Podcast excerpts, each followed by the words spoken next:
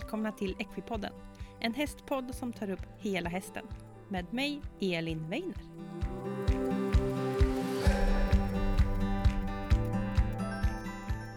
Hej alla fantastiska lyssnare och eh, ja, välkomna till dagens eh, avsnitt. Förra veckan i Ekopodden så var det ett hopklipp av massa olika avsnitt där man pratade om mental träning och mental hälsa.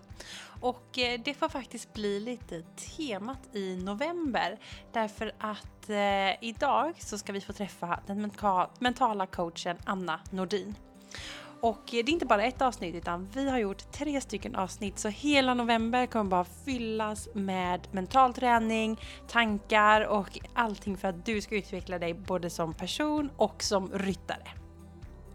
Och Ann Nordin då, hon är som sagt mental coach och arbetar med eh, mental utveckling. Hon jobbar jättemycket till ryttare men hon jobbar också mot eh, andra och företag och så vidare.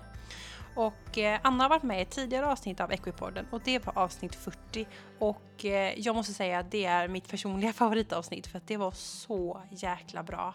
Och när jag hade spelat in det avsnittet och liksom la på, för vi spelade in på distans, eh, då var jag lite i chock. Jag bara shit, det här var så himla bra. Så jag är otroligt glad att få till Anna igen, att få ha med tre avsnitt. Det här är helt otroligt. Jag hoppas att ni ska tycka det här lika amazing som jag tycker för det här är verkligen grymt bra avsnitt. Och eh, om man lyssnar på det förra avsnittet av Veckopodden så berättar Anna lite mer om sin bakgrund. Men hon eh, var med i en ridolycka när hon var barn och förlorade ena halvan av sitt ben. Och idag är hon då mental coach, pararyttare i dressyr och håller på med working equitation. Och eh, ja, rider vanlig dressyr också såklart och är en otrolig inspiratör. Och i det här avsnittet så kommer vi prata om ridrädsla. Och det är nog någonting som Anna brinner lite extra för, för att det är väldigt utbrett. Man, eh, det är fler än vad man tror som har en ridrädsla och det förekommer verkligen på alla nivåer. Och eh, det är ju hälsosamt att vara lite rädd när man hanterar de här stora hästarna, men ibland går det till överdrift. Så eh, i det här avsnittet så pratar vi om vad ridrädsla är, Eh, när det är dags att ta hjälp och vilken hjälp som finns att få. Alltså hur gör man för att ta sig förbi den här ridrädslan? Och det är fullt med konkreta tips och tankar och eh, verktyg för att utveckla sig själv. Så ja, en lång introduktion men nu kör vi igång veckans avsnitt.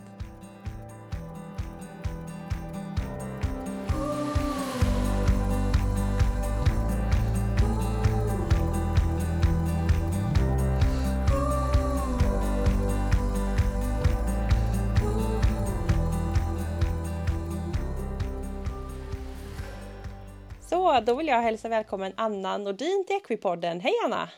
Hej, vad roligt att få vara med igen! Ja, fantastiskt för du har ju varit med innan och eh, för ni som lyssnar så är det avsnitt 40 och eh, jag får väl säga att det är ett av mina favoritavsnitt faktiskt.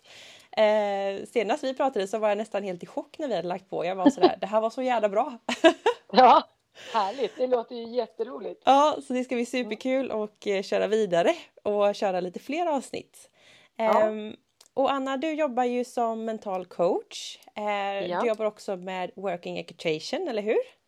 Precis, och även en del vanliga dressyrträningar. Ja. Working equitation och dressyr ligger ju ganska nära varandra. Eh, så att eh, jag tycker att de, de kompletterar varandra bra. Mm, exakt. Och eh, ja, jag tänker att du kan få börja med att presentera lite vem du är och din bakgrund och sådär.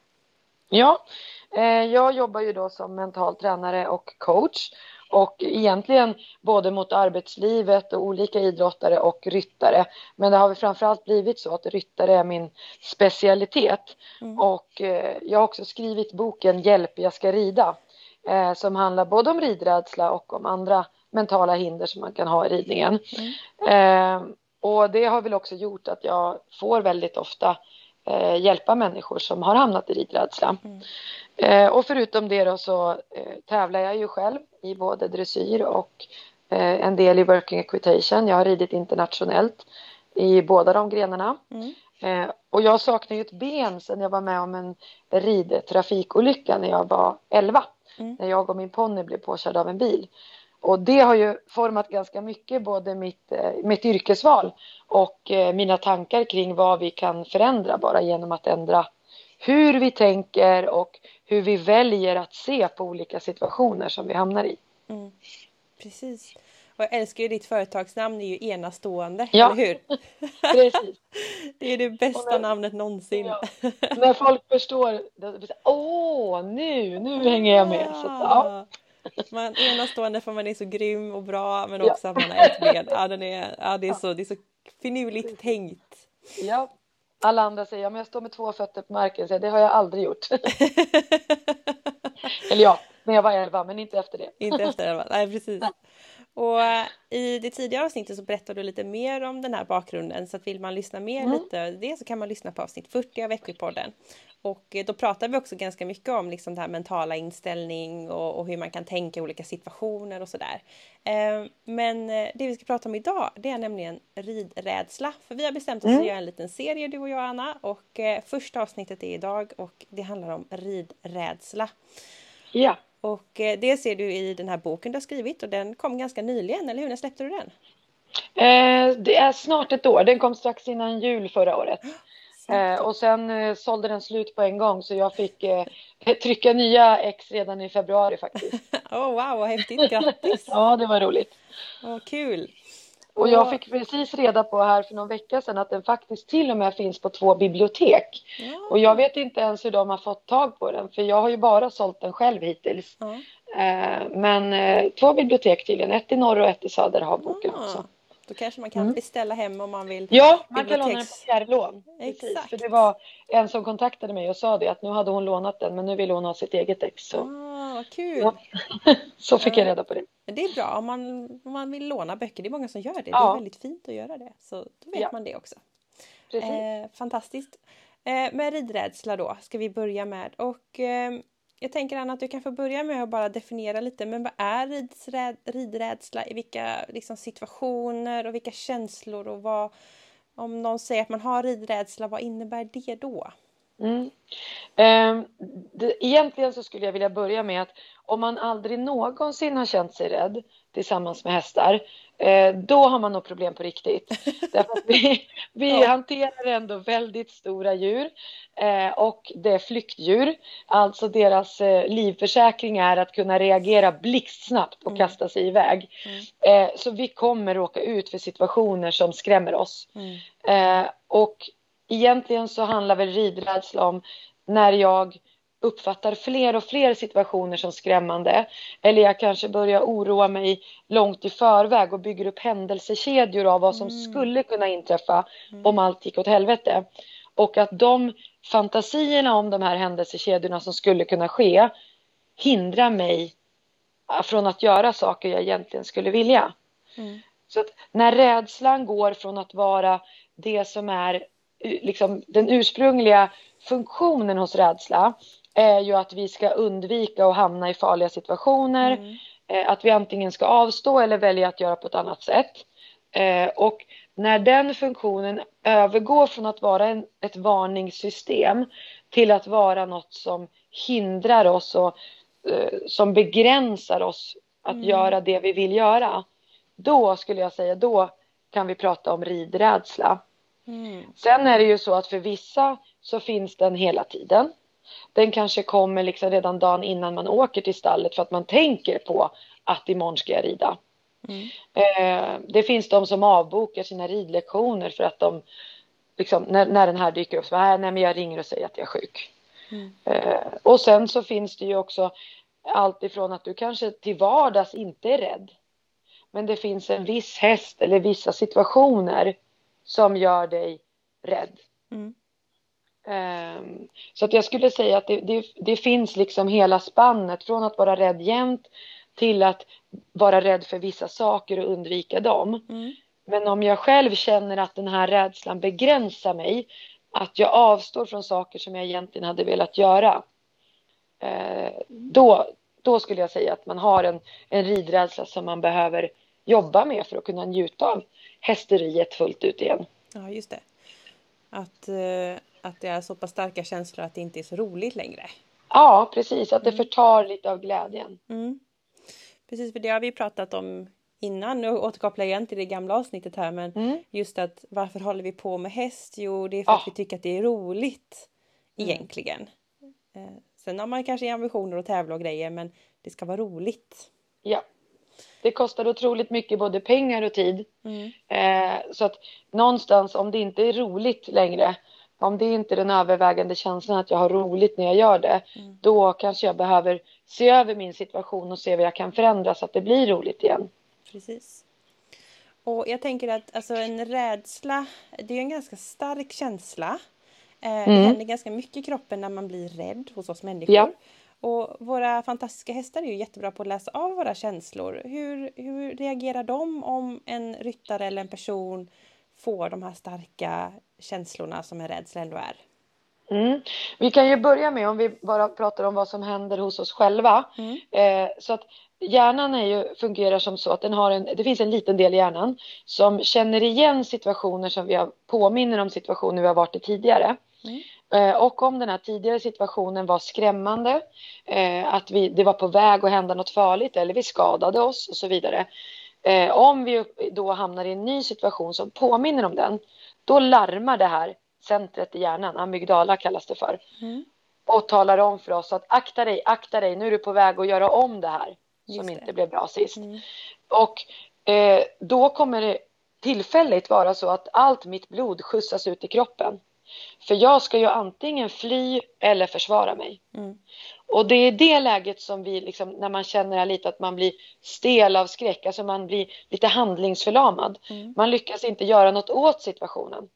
Och det är för att vi har så pass lite blod i huvudet då, så vi tänker liksom inga konkreta praktiska tankar om hur vi ska lösa det här. Nej. Och då kan det vara bra om man vet det, att det här varar bara i några sekunder. Mm. Sen släpps blodflödet upp till huvudet igen. Och då är det liksom, om jag väntar ut den där första skräcken så brukar jag fatta bättre beslut. Mm. Eh, när det har fått gå några sekunder och jag liksom, okej, vad ska jag göra? Ja. Det är den första, att veta att det här första, det går liksom över Mm. om jag bara låter det få några sekunder. Mm. Men agerar jag direkt när jag har fått den känslan, ja då kan jag ju fatta hur korkade beslut som helst. Ja, På ren, ren panik. Mm. Eh, Så att det kan vara bra att vänta. Men det här systemet som slår till hos oss, det släpper ju också ut en massa hormoner i blodet. eh, Till exempel adrenalin. Mm. Och det är ju för att vi ska kunna använda vår yttersta av vår förmåga och bli så starka och snabba som möjligt för att antingen fly eller försvara oss. Mm.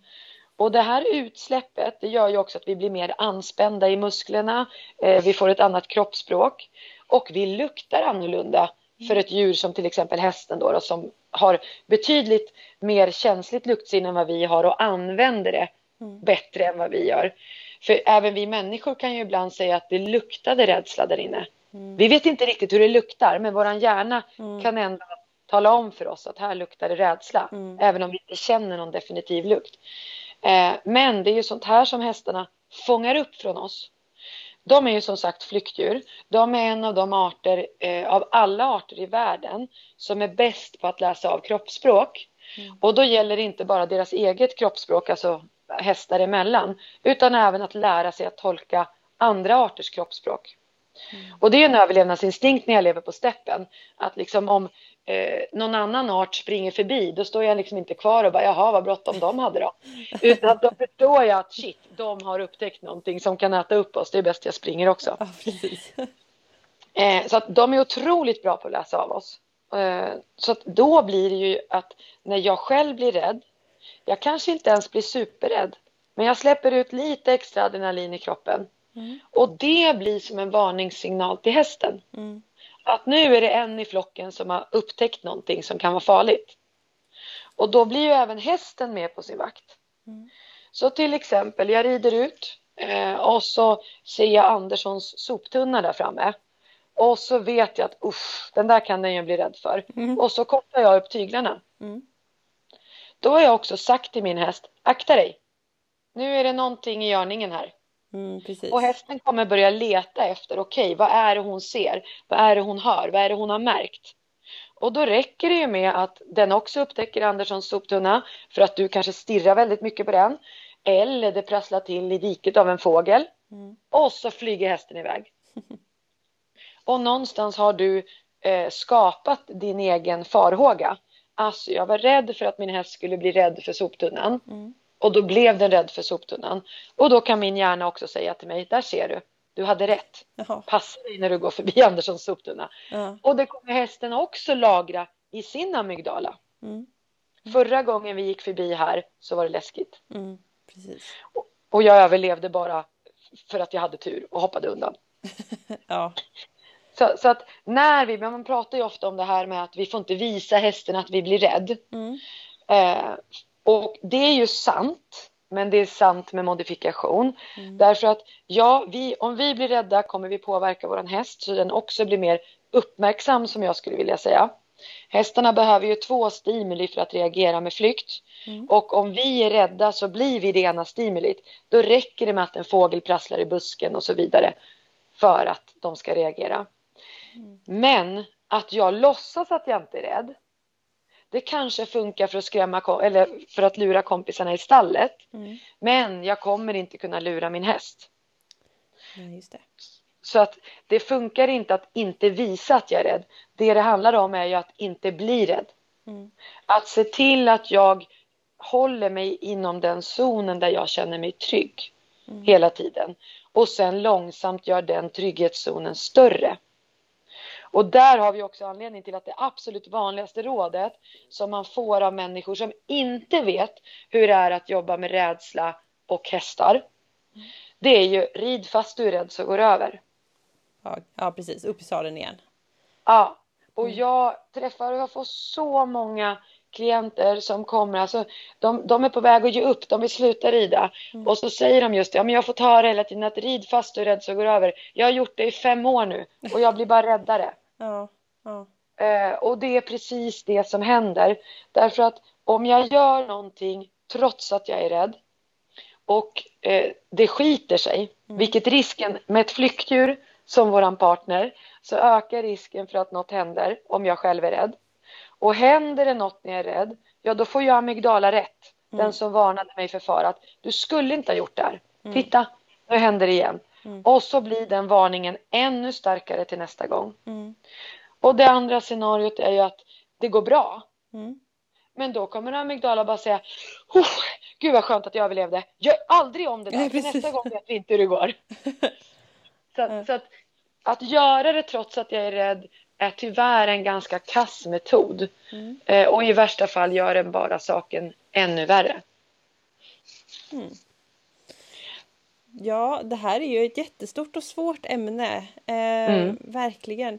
Eh, jag tänkte att jag skulle bara stanna upp igen lite det här med Mm. visa, att, visa inte att du blir rädd. Eh, för jag tänker Mm. då att även om man låtsas vara tuff så menar du att det fortfarande är så att liksom hästen kan läsa ditt kroppsspråk och känna dina dofter så att den ändå märker att du är rädd. Ja.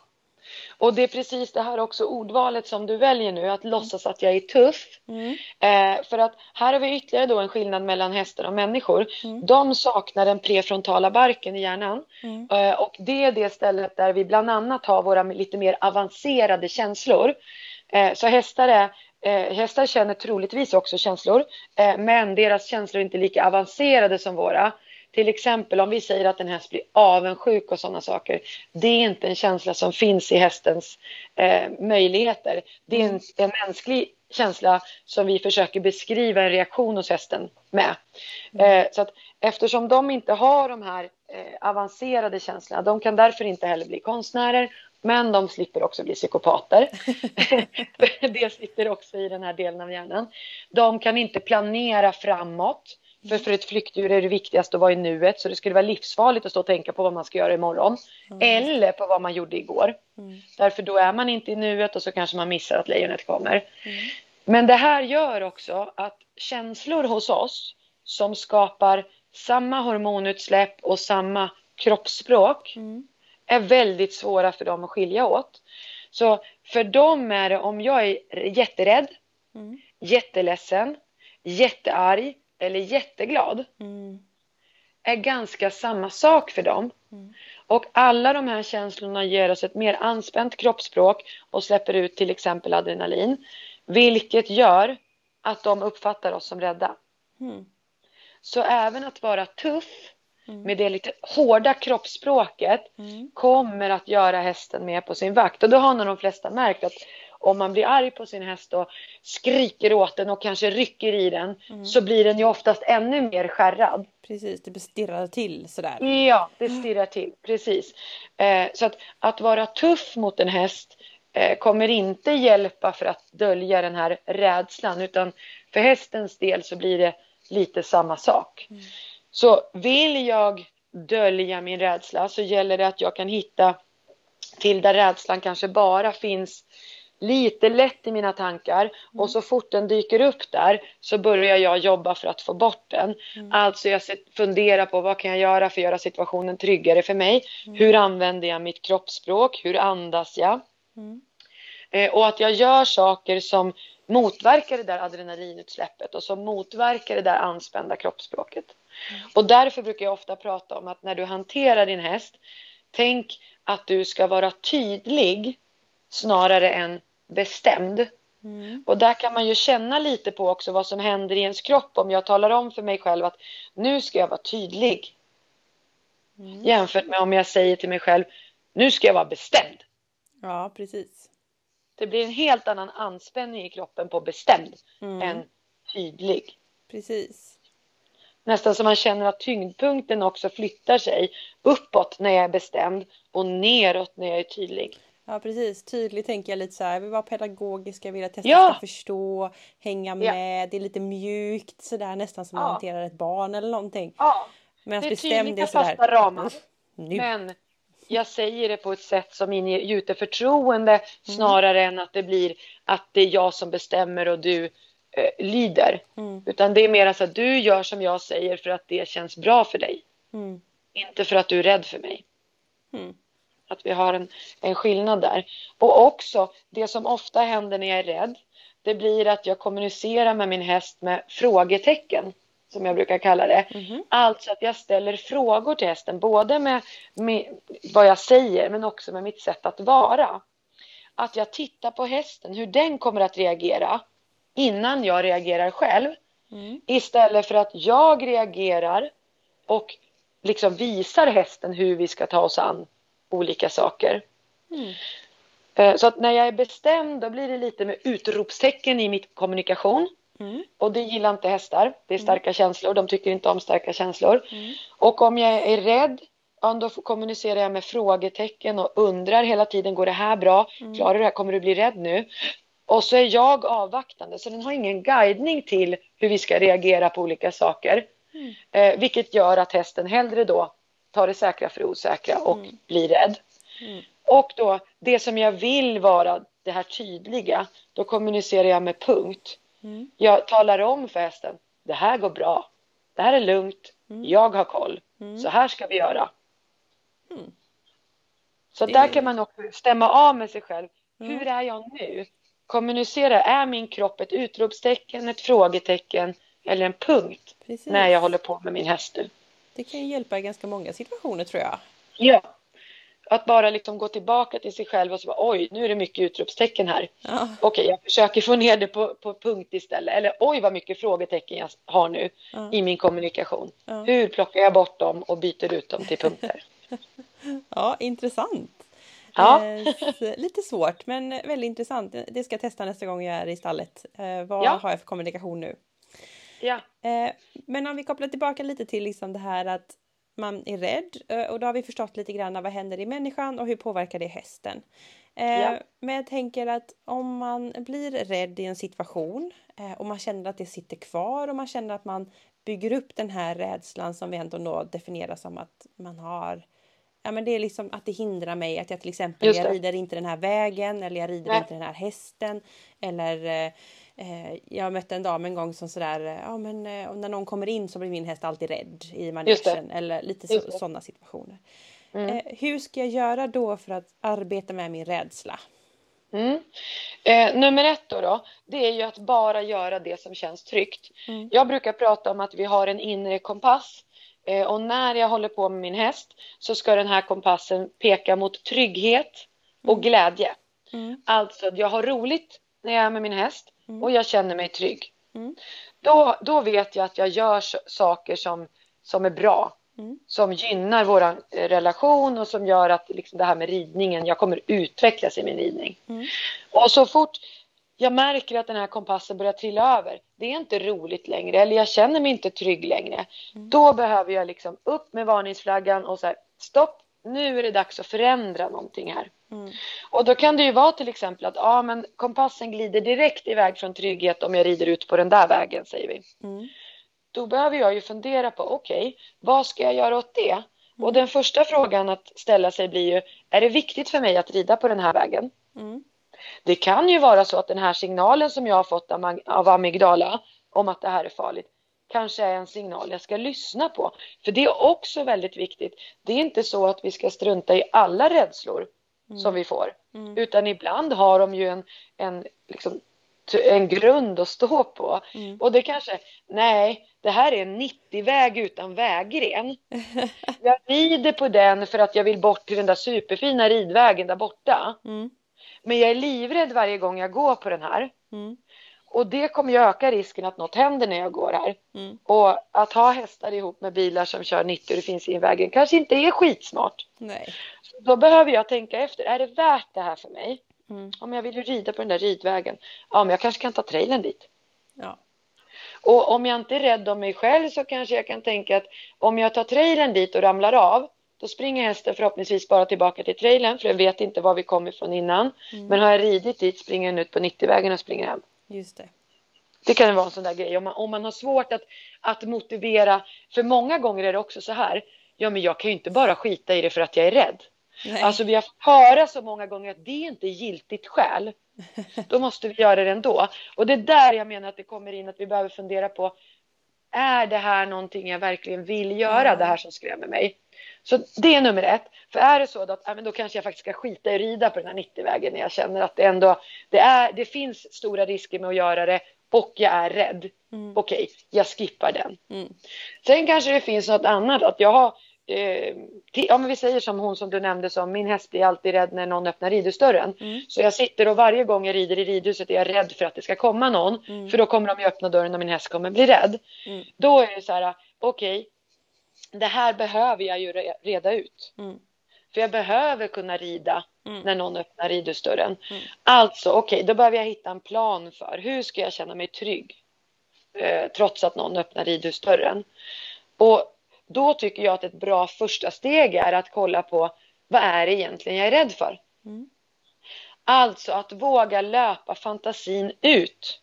Mm. Och då blir det det som, men vadå, gud, nej, vad äckligt. Det vill jag ju inte. Det är lite som en skräckfilm som är så läskig så jag vågar inte ens se slutet. Ja. På grund av det så blir den starkare och starkare. Mm. För det här jag är rädd för är ju så hemskt så jag inte ens vågar tänka på det. Mm. Alltså måste jag verkligen akta mig för det. Mm. Så genom att tänka tanken till sitt slut så kommer jag också lite ta udden av den skräck som tanken sätter i mig. Mm. Så jag brukar rekommendera att tänk hela vägen ut och då är det ju många, alltså de flesta scenarion går ju ut på att det visar sig att det man är rädd för i slutändan är att man ska skada sig så illa till exempel så att jag aldrig mer kan rida. Mm. Och så inser man att ja, men jag, hästar är ju mitt liv.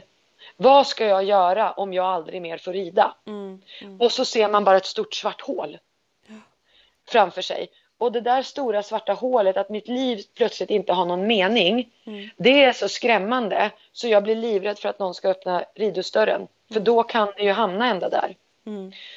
Så när jag då kommer på vad det är som är där i slutet av det här hemska scenariot.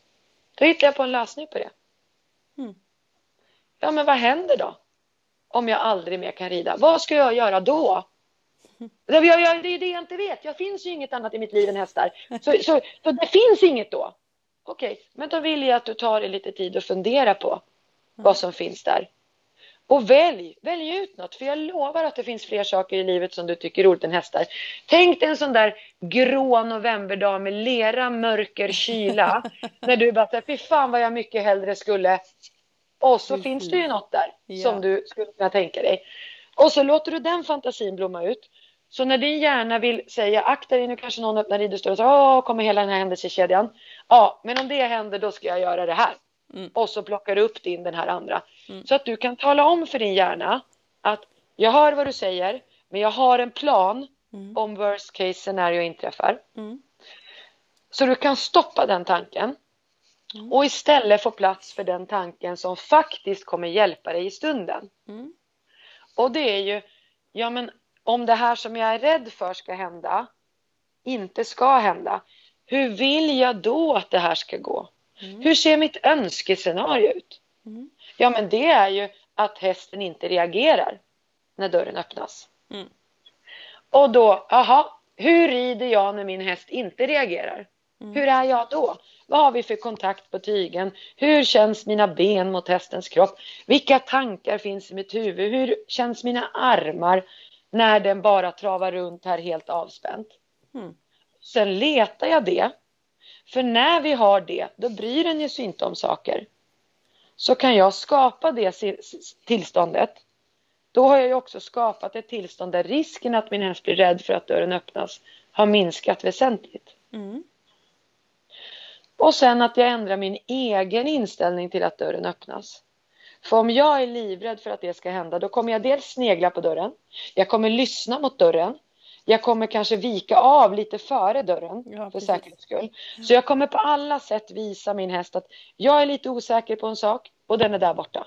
Mm. Så hästen är också beredd. Så minsta lilla ljud som hörs från dörren, där var det. Och Ja. så flyger den iväg. Ja. Så jag har skapat situationen. Mm. Men om jag då vänd, vänder på det så bestämmer jag mig för att, att om dörren öppnas så blir det fantastiskt här inne. Ja. Det är en underbar grej om dörren öppnas. Mm. Eh, och till exempel då, för din häst är ju antagligen inte rädd för att stalldörren öppnas. Nej. När stalldörren öppnas på morgonen, då gnäggar de och säger yes, nu kommer käket. Ja. Så om den kan reagera så på en dörr som öppnas Mm. så kan den ju reagera så på alla dörrar som öppnas. Mm. Så det är bara upp till dig att välja inställning att när ridhusdörren öppnas, då kommer käket!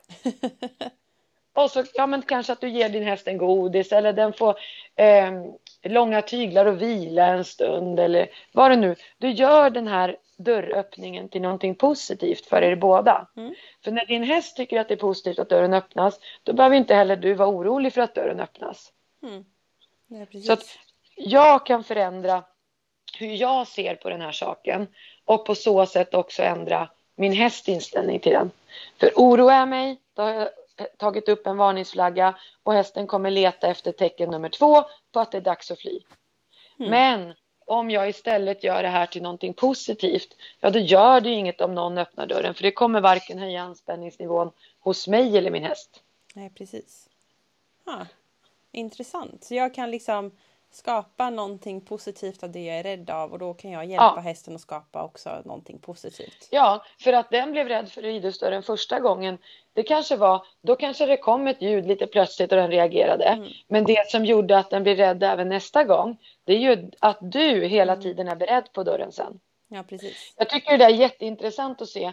Eh, Jag jobbar ju ibland ute på ridskolor och har lite gästträningar. Mm. Och eh, då eh, hade jag en V-träning och jag hade ställt ett hinder så det var ganska nära uppe i ett hörn Mm. där dörren in och ut i ridhuset var. Ja. Och då berättade en kvinna som är med på den, i den här gruppen för mig att du, eh, bara så du vet att jag kommer inte kunna göra det där hindret där uppe för den här hästen är livrädd för dörren. Alltså den går inte att rida förbi dörren. Jag bara jaha. Ja så är det för alla. Ja. Så den är verkligen livrädd. Ja. Eh, och så säger jag till henne, men vet du vad? Då låtsas vi att du rider en annan häst. Vilken häst brukar du rida som inte bryr sig ett skit om dörren? Ja. Ja, så sa någon, någon häst då. och Så här, jag bara, vad bra. Då är det faktiskt den du rider på idag. Så jag vill att du rider det här hörnet så som du skulle rida det här hörnet på den hästen. Ja. Och sen så tjatar vi då Pegasus, Pegasus, Pegasus genom det här hörnet eller vad den här hästen nu hette som var trygg där. Den här hästen rörde inte ett öra ens en gång genom hörnet. För den var ju inte rädd för dörren. Men alla som red på den var rädd för dörren. Så det var klart som sjutton att den aktade sig där när de sa att här är det läskigt. Men när det inte rykte kom, runt sig. ja, när det inte kom från ryttaren, ja, det brydde sig inte hästen heller. Ja, häftigt. Så att det är ju också det att ja, och visst, hästen kan bli rädd för någonting, Mm. men vi kan tvätta bort det genom att vi inte fortsätter säga att ja, där borta var det obehagligt, Mm. usch, det minns jag också. Utan vi säger det är lugnt, där går det bra. Precis. Det här är ju superbra tips om det har liksom varit en, att man kan definiera att den här saken är jag rädd för eller jag är orolig för att Just det här det. ska hända. Eh, eller som en väg där eller som ett hörn. Eh, det hör man ju så himla ofta. Ja men det där hörnet är det Mm. läskiga för alla. Precis. Eh, så det är jättebra tankar. Men jag tänker att ibland så kan det hända någonting. Det kan ju vara kanske man går omkull eller man blir avkastad eller Mm. liksom blir en ganska stor traumatisk upplevelse som gör att det. det mesta runt hästarna blir obehagligt och jobbigt. Mm. Eller att man kanske varit med om någonting och så har man låtit rädslan, liksom, först var det bara vägen och sen så blev det den slingan och sen så blev det skogen Ja. och sen blev det Ja. allt. Sitta upp på stallplan och så vidare. Precis. Mm. Och när, Mm. det, har- när det har gått så långt att Mm. det är ett ganska stort ingrepp, hur gör man då? Hur börjar man då? Precis, och där, då får man ju kolla lite grann. När startar min rädsla? Mm. Alltså vad är det, när är det första gången som det blir det där lite obehagliga pirret i magen? Mm. Eh, och för en del så är det ju så tidigt som, som jag nämnde tidigare då att det är kvällen innan man tänker på att imorgon ska jag rida. Ja. Då kommer första obehagspirret. Eh, och då får vi ju tänka att om det då är liksom ett och ett halvt dygn före att jag verkligen ska rida så har ju kroppen förberett sig på den här fruktansvärda saken i ett och ett halvt dygn när jag väl ska rida. Mm. Då är alla mina alarmsystem liksom verkligen påslagna. Och det kan vara ganska svårt att då på fem minuter innan du ska hoppa upp dämpa den här rädslan och få dig att känna dig trygg igen. Mm. Så att jag behöver komma på när börjar det här? Och sen börja häva det redan där. Mm. Eh, och då pratar vi dels om den här kompassen, vad känner jag mig trygg med? Mm. Så att jag håller mig på sådana saker. Och sen också att jag gör det enkelt för mig. För många gånger så fungerar vi människor också så här att om en grej går bra, då går jag vidare och gör nästa. Och går den också bra så gör jag nästa och nästa och nästa. Alltså att jag tvingar mig själv vidare hela tiden. Och till slut kommer jag ju slå i taket och vara framme på den där saken som känns övermäktig. Mm. Och så kanske det går åt helvete eller det bara känns eh, obehagligt. Mm. Och då så är jag liksom tillbaka där att det här är skrämmande istället för eh, att det blir någonting positivt och som leder mig framåt. Mm. Så jag behöver dels ta reda på vilka steg finns i min rädsla, alltså vilka olika situationer är det Mm. där jag får det här obehagspirret. Mm. Och sen att bestämma mig för då, då hur mycket kan jag göra och fortfarande känna mig trygg. Mm. Så att till exempel om jag vet att jag inte ska rida imorgon kan jag då tänka på att rida imorgon och ha den här trygga, glada känslan. Mm. Att åh vad roligt, jag ska rida imorgon. Och många gånger om jag vet så här, jag kan garantera hjärnan det kommer inte att hända. Du kommer inte behöva rida. Då kan jag liksom tänka på ridning med trygghet och glädje igen. Mm. Och då, då är det där jag får börja. Att träna hjärnan på att kunna tänka på att imorgon ska jag rida. Mm. Och koppla ihop det med trygghet och glädje igen. Alltså tvätta bort rädslotanken ur att så att det blir så här, gud vad kul, imorgon ska jag rida. Mm. Och då kanske jag behöver garantera min hjärna att det kommer inte hända. Du vågar tänka att det är roligt och tryggt att rida, för du behöver inte rida. Mm. Och sen fortsätta plocka. Om det är så att när jag drar på mig ridbyxorna brukar nästa sån här orosmoment komma. Ja, men då övar jag på att ta på mig ridbyxorna och känna mig glad och trygg när jag gör det. Ja, För jag vet att jag inte kommer behöva rida. Mm. Och det är precis som du när man skrattar lite. Men herregud, hur lång tid kommer det då ta tills jag får rida? Så folk blir ofta så här. Men vad då? får jag inte rida förrän jag känner mig trygg? Då kommer jag ju aldrig mer få rida. Ja, precis. Jo, det kommer hända och det kommer gå fortare ju mer trogen du är den här vägen. För det som händer nu, det är att vi behöver tala om för våran hjärna att den inte kommer behöva göra något som gör den rädd. Mm. Och när vi har övertygat den om det, att allt jag ber dig att göra kommer vara saker du känner dig trygg med, då kommer den känna sig trygg med allt fler saker. Mm. Så att det här är liksom en långsam hjärntvätt av oss själva till att byta ut den här kopplingen som har blivit mellan ridning och rädsla till att få tillbaka den kopplingen jag hade innan mellan ridning och glädje. Mm. Och så jobbar jag vidare så här med alla steg. Jag kanske står och sadlar min häst på stallgången en miljard gånger Mm. för att öva hjärnan på att kunna sadla utan rädsla. Mm. Jag kanske står på pallen tusen gånger utan att sitta upp. Mm. För att tala om för min hjärna att det inte är farligt att stå på pallen. Mm. Så att till slut så har jag kopplat ihop alla de här stegen som är före själva ridningen med glädje igen. Mm. Och då kommer det också kännas okej okay när jag sitter upp. Så att jag väntar med att sitta upp tills nu vill jag rida. Mm. Jag vill göra det här. Och samma där att för att jag sitter upp så betyder inte det att jag måste rida i en timme. Utan jag sitter upp och jag rider så länge det känns bra. Mm. Jag får alltid sitta av om det inte känns bra. Och att tillåta sig själv det. För det mesta av rädslan bygger också på att vi bygger upp massa måsten. Jag måste göra så, jag måste göra så. Man får inte göra så här. Och hästen blir lidande om jag inte rider. Mm. Alltså, hästar var inte riddjur från början. Så det är inte så att de lider för att vi inte rider på dem. Mm. Sen kanske jag får ytterligare osäkerhet om jag vet att min häst inte rider när jag själv ska rida på den. Men det finns ju fler sätt att lösa motionen på än att jag själv rider. Precis. Och om att jag själv rider innebär att jag blir rädd, då är det varken positivt för mig eller min häst. Mm. Så om jag inte kan unna mig själv att slippa rida när jag är rädd, mm. så kan jag ju unna min häst att slippa bära på en rädd ryttare. Mm. För det är oftast lättare att unna sin häst saker. Mm. Men när jag då till slut kommer vidare, om jag vet att jag får alltid sitta av om jag vill det, mm. då kommer färre situationer skrämma mig. Mm. För annars vill jag gärna varna mig innan jag har blivit rädd. Så att mm. jag sitter av i tid. Mm. Men det behöver jag ju inte om jag vet att jag får sitta av när jag vill. Mm. Då blir jag också lite modigare och törs lite mer. Och sen vill jag att man har ett maxmål. Att hur bra det än går så får jag inte göra mer än det här. För jag vill att man kliver av hästen istället för en så här, gud nu, usch, det där var lite för läskigt egentligen. Mm. Det där mm. sista jag gjorde. Mm. Så vill jag att man kliver av med en känsla av åh, jag hade velat trava lite till. Mm. mm. För den känslan gör att det blir positivt nästa gång jag ska rida. Ja, precis, att man bygger förväntningarna. Ja, så jag har mm. haft elever där jag säger så här, nu får du trava tio steg, men det är max. Mm. Hur bra det än känns. Det räcker med ett travsteg. Mm. Men hur bra det än går för att max trava 10. Och så, men jag vill trava hela varvet. Glöm det. Du får inte.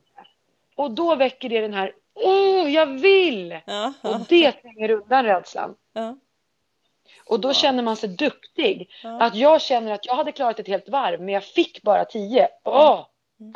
Nästa gång vill jag trava ett varv. Precis. Ja, det får du göra om du vill. Men det är max ett varv nästa gång. Ja, precis. Ja, det, det är så eh, himla lätt att man liksom bara jag vet man rider själv. Åh det känns så bra. Jag gör den här också och den här. Och sen ja. så blev det bara oj, då ja. blev det pannkaka. Ja, skit också. Ja. Och så slutar det på pannkaka istället för att sluta på topp. Och det är precis det. Vi vill skapa en bank Mm. av positiva ridminnen. Mm. Så att vi sen, dels att just nu, de som har ridrädsla, den har ju minus på kontot. Mm. Det finns inga positiva saker, det finns bara liksom händelser som talar om att det här borde du sluta med. Så vi vill skapa, skapa den här banken med positiva minnen. Mm. Så, och till slut göra den så stor så att den har en buffert som klarar av lite uttag. Mm. Alltså, den klarar av en ridtur där hästen skyggade en gång. Mm. Jag blir inte rädd till nästa gång av det. Utan jag kan se på det som, ja det var lite läskigt fram och tillbaka. Men när jag tittar på det nu i efterhand så inser jag att den skygga och jag klarade det. Mm. Det här stoppar jag också in på pluskontot. Mm. För jag kan inte kräva min häst att den aldrig skyggar. Mm. Men jag kan välja inställning och ska jag fokusera på att den skyggade eller att jag klarade när den skyggade. Mm. Mm. Eh, så att jag till slut har det här buffertkontot som också klarar lite oangenäma situationer. För de kommer att komma. Vi mm. håller ju ändå på med ett flyktdjur. Ja, eh, så att, mm. Ja, wow, jätteintressant. Mycket på pluskontot, sätta maxmål och ja. öva. Eh, och jag kan flika in där, jag har en vän som, eh, nu är inte hon ridrädd så, eller inte alls, hon är jätteduktig ryttare. Men hon lägger mm. alltid mm. upp på fredagar för åker hon och rider efter jobbet och så åker hon hem och så dricker hon ett glas prosecco. Så lägger hon alltid upp en bild ja. på sociala medier när hon sitter i ridbyxor ja. och dricker lite bubbel. Och det ser så trevligt ja. ut. Så det kanske man får träna på. Ja, men precis. Att det, det, är en faktiskt väldigt viktig del av det här. För vi pratar ju som sagt om rädsla, det är egentligen bara en tanke. Mm. Och den tanken sen sprider sig vidare till kroppen och blir mm. kropp, får kroppsligt, eh, kroppsliga effekter också. Mm. Eh, och det här handlar ju om att träna sin hjärna. Mm. Att den inte ska fara ut på egna äventyr som inte gynnar mig. Mm. Utan att jag kan styra mina tankar så att de hjälper mig. Mm. Och i det här arbetet så är det ju precis som om jag jobbar med en häst. Att när den gör rätt, då vill jag berömma. För jag mm. vill att den ska känna att åh, det här vill jag göra igen. För det kändes behagligt. Det har varit en bra känsla av. Det här vill jag ha mer av. Mm. Och att berömma oss själva när vi gör bra saker, det gör vi ofta alldeles för sällan. Mm. Men varje gång jag gör det, även om det är en pytte, pytte, pytte grej jag klarade av att göra mm. I, min, i min egen, liksom, mitt eget tycke. Så varje gång jag berömmer så kommer jag också stärka mitt självförtroende och jag kommer klara fler saker. Mm. För jag har ju sagt till mig själv att nej, men jag är en sån som klarar saker. Titta här, jag firar ju där på fredagen. Precis. Så att jag är ju bra. Ja. Jag kommer klara nästa utmaning jag står inför också. Precis. Jag har en verktygslåda och jag vågar använda den. Jag vågar lita på att jag har lösningar som fungerar. Mm.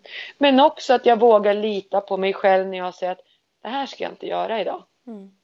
För där behöver vi behöver ju också ta hänsyn till våran dagsform. Ja. Säg att jag har haft en supertuff dag på jobbet. Jag kanske är på väg att bli sjuk. Mm. Du vet, man känner sig allmänt ämlig. Mm. Och så känner jag bara så här att idag är det ingen bra dag att rida ut. Mm. Jag är inte på topp. Och då vet jag att om jag inte är på topp, varken orkesmässigt eller tankemässigt, då ökar risken att de där negativa tankarna får övertaget. För jag mm. kommer inte orka tänka de bra tankarna. Mm. Och då kanske jag hamnar i en situation som gör att det här ridpasset inte blir bra. Okej, okay, då är jag snäll mot mig själv och min häst och så gör jag något annat idag. Mm. Något som känns enkelt. Mm. Det låter jättebra. Mm. Ja, Anna, fantastisk massa bra konkreta tips och tankar.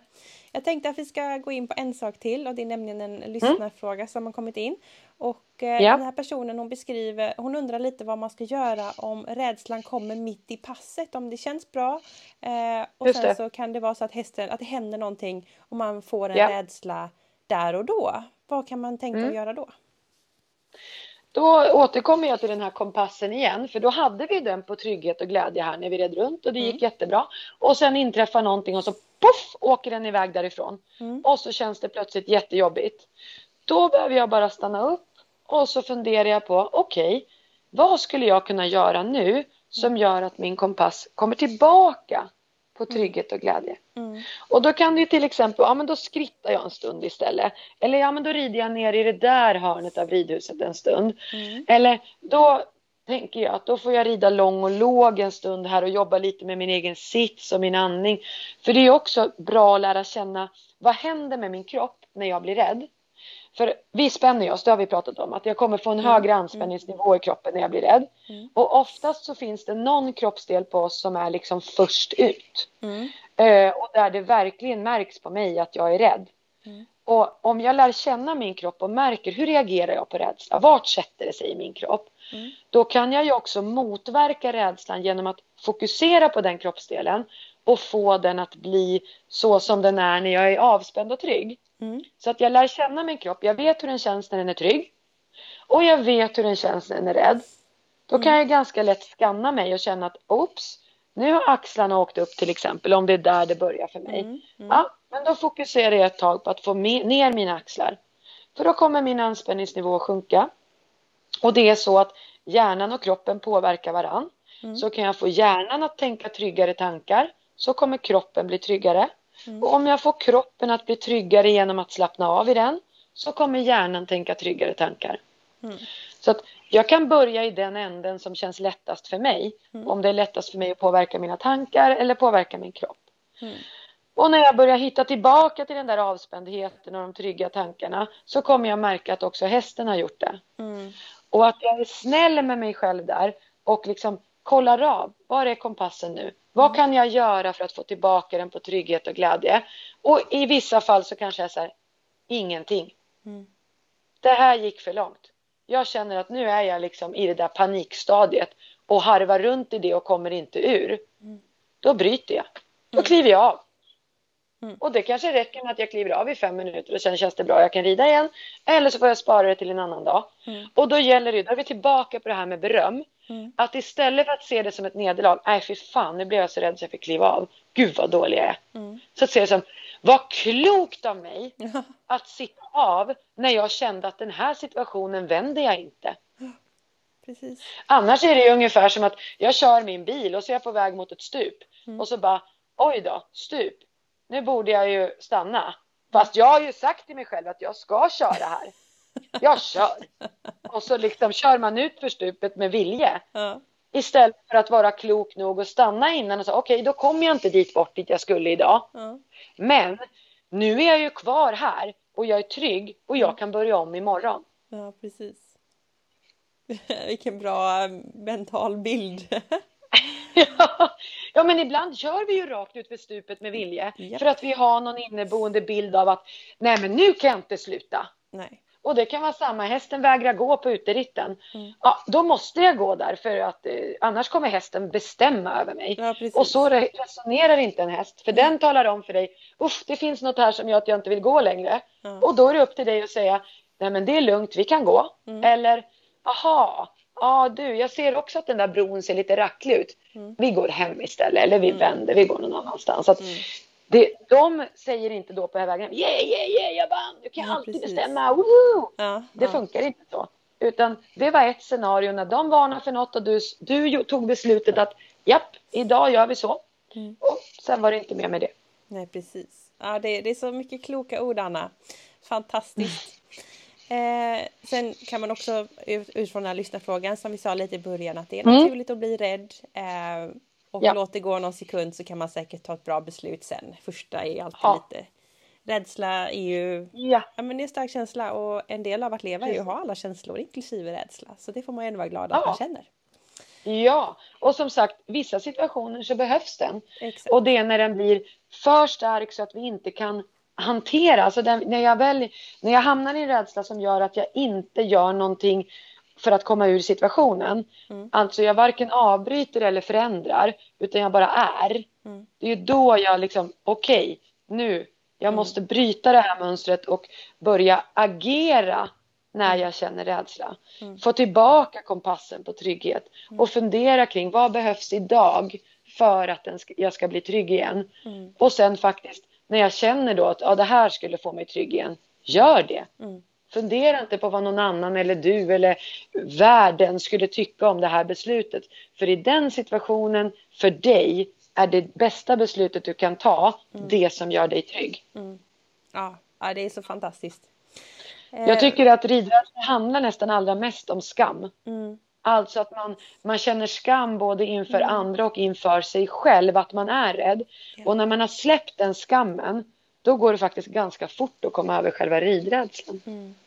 Det är nog väldigt klokt, eller väldigt sant. Det är så himla mycket yta och fasad lite i rid och ridsporten. Ja. Eh, och man vill ju inte verka dålig liksom. Nej, och då kan man ju trösta sig med att ridrädsla jag har klienter allt ifrån eh, skogsmölleryttare, de som började rida när de var vuxna, de som har återvänt till att rida, de som är tävlingsryttare på internationell nivå. Mm. Så det är verkligen hela spannet. Mm. Det är inte liksom att jag är dålig på att rida för att jag blir rädd. Mm. Alla kan hamna i det läget. Ja, precis. Och om man nu sitter och lyssnar på det här och känner igen sig själv lite i det här och känner att oj oj oj, eh, det ska inte vara så här, jag ska inte tuffa ut eh, och rida bort min ridrädsla utan man, man vill ta hjälp. Hur gör man mm. då för att ta hjälp och vad, hur funkar det att ta hjälp mot ridrädsla? Ja, eh, jag tycker att det är bra om man då tar kontakt med en mental tränare eller en coach eh, mm. som har erfarenhet av det här. Mm. Eh, för det är som sagt en helt annan sak att jobba med en ridrädsla än att till exempel jobba med eh, att jag har spindelfobi. Mm. Eh, för, för den typen av rädslor där jag kan utsätta mig för det här på ett ofarligt sätt mm. Då, då, kan jag jobba med KBT till exempel, alltså mm. tillvänjning, att jag utsätter mig för faran tills jag inte blir rädd längre. Mm. Men i hästvärlden så funkar inte det så bra eftersom eh, där kan det ju faktiskt hända saker och jag jobbar ihop med ett flyktdjur. Yeah. Eh, därför så behöver man eh, ta det på ett annat sätt där som jag sa, att man jobbar inom sin mm. trygghetszon och förstorar den. Så att man, man tar kontakt med någon som kan hjälpa en på det sättet. Mm. Eh, och att man sen ger det tid. Mm. Och eh, liksom verkligen, den här boken som jag skrivit är en jättebra väg att mm. gå. Och då kan man också utifrån den eh, informera dem i sin närhet om hur de bäst hjälper en. Yeah. Så att de, det är ofta många som vill peppa en, men att man då hjälper dem att peppa en på ett sätt som man vet hjälper, mm. som kommer ha effekt. Mm. mm. Ja men precis. Ja men jätteklokt. Men eh, superbra Anna, jag tänkte att vi ska runda av där. Eh, om man tyckte det här var intressant och vill höra mer av dig, vart kan man följa mm. dig eller läsa mer om dig? Ja, precis. På Facebook så heter min sida enastående häst och ryttarutveckling. Mm. Och på Instagram så heter jag enastående underscore Anna. Mm. Precis. Så att, eh, då kan man ju titta där eller så på min hemsida då om man vill ha kontakt för att till exempel beställa boken eller eh, få hjälp med coaching mm. så är det enastående.se. Mm. Och jag skriver i poddbeskrivningen också. Och boken heter mm. Hjälp jag ska rida, eller hur? Ja, precis. Och den finns hos dig? Japp, det gör den. Perfekt. Ja men då så Hanna, då får jag säga tack så jättemycket för det här avsnittet och jättekul att du ville vara med i podden igen. Ja, men det är superroligt. Jag har fått väldigt bra respons på det förra avsnittet.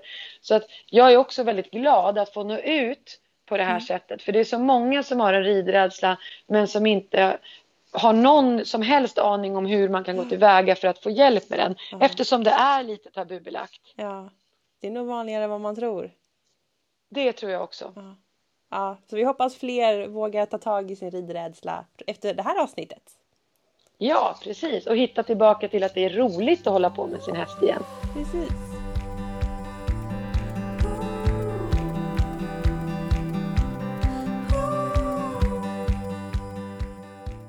Ja, alltså wow. Ett så bra avsnitt är nu avklarat. Eh, jag älskar det här. Jag tycker det är så spännande och så intressant. Jag hoppas du också tyckte att det här har varit ett intressant avsnitt. Och eh, gå gärna in och följ Anna då på sociala medier, kika på hennes hemsida och när du ändå är inne på sociala medier, gå också in och följ Equipodden för där är ju du med och påverkar vilka gäster som är med och vilka frågor jag ska ställa.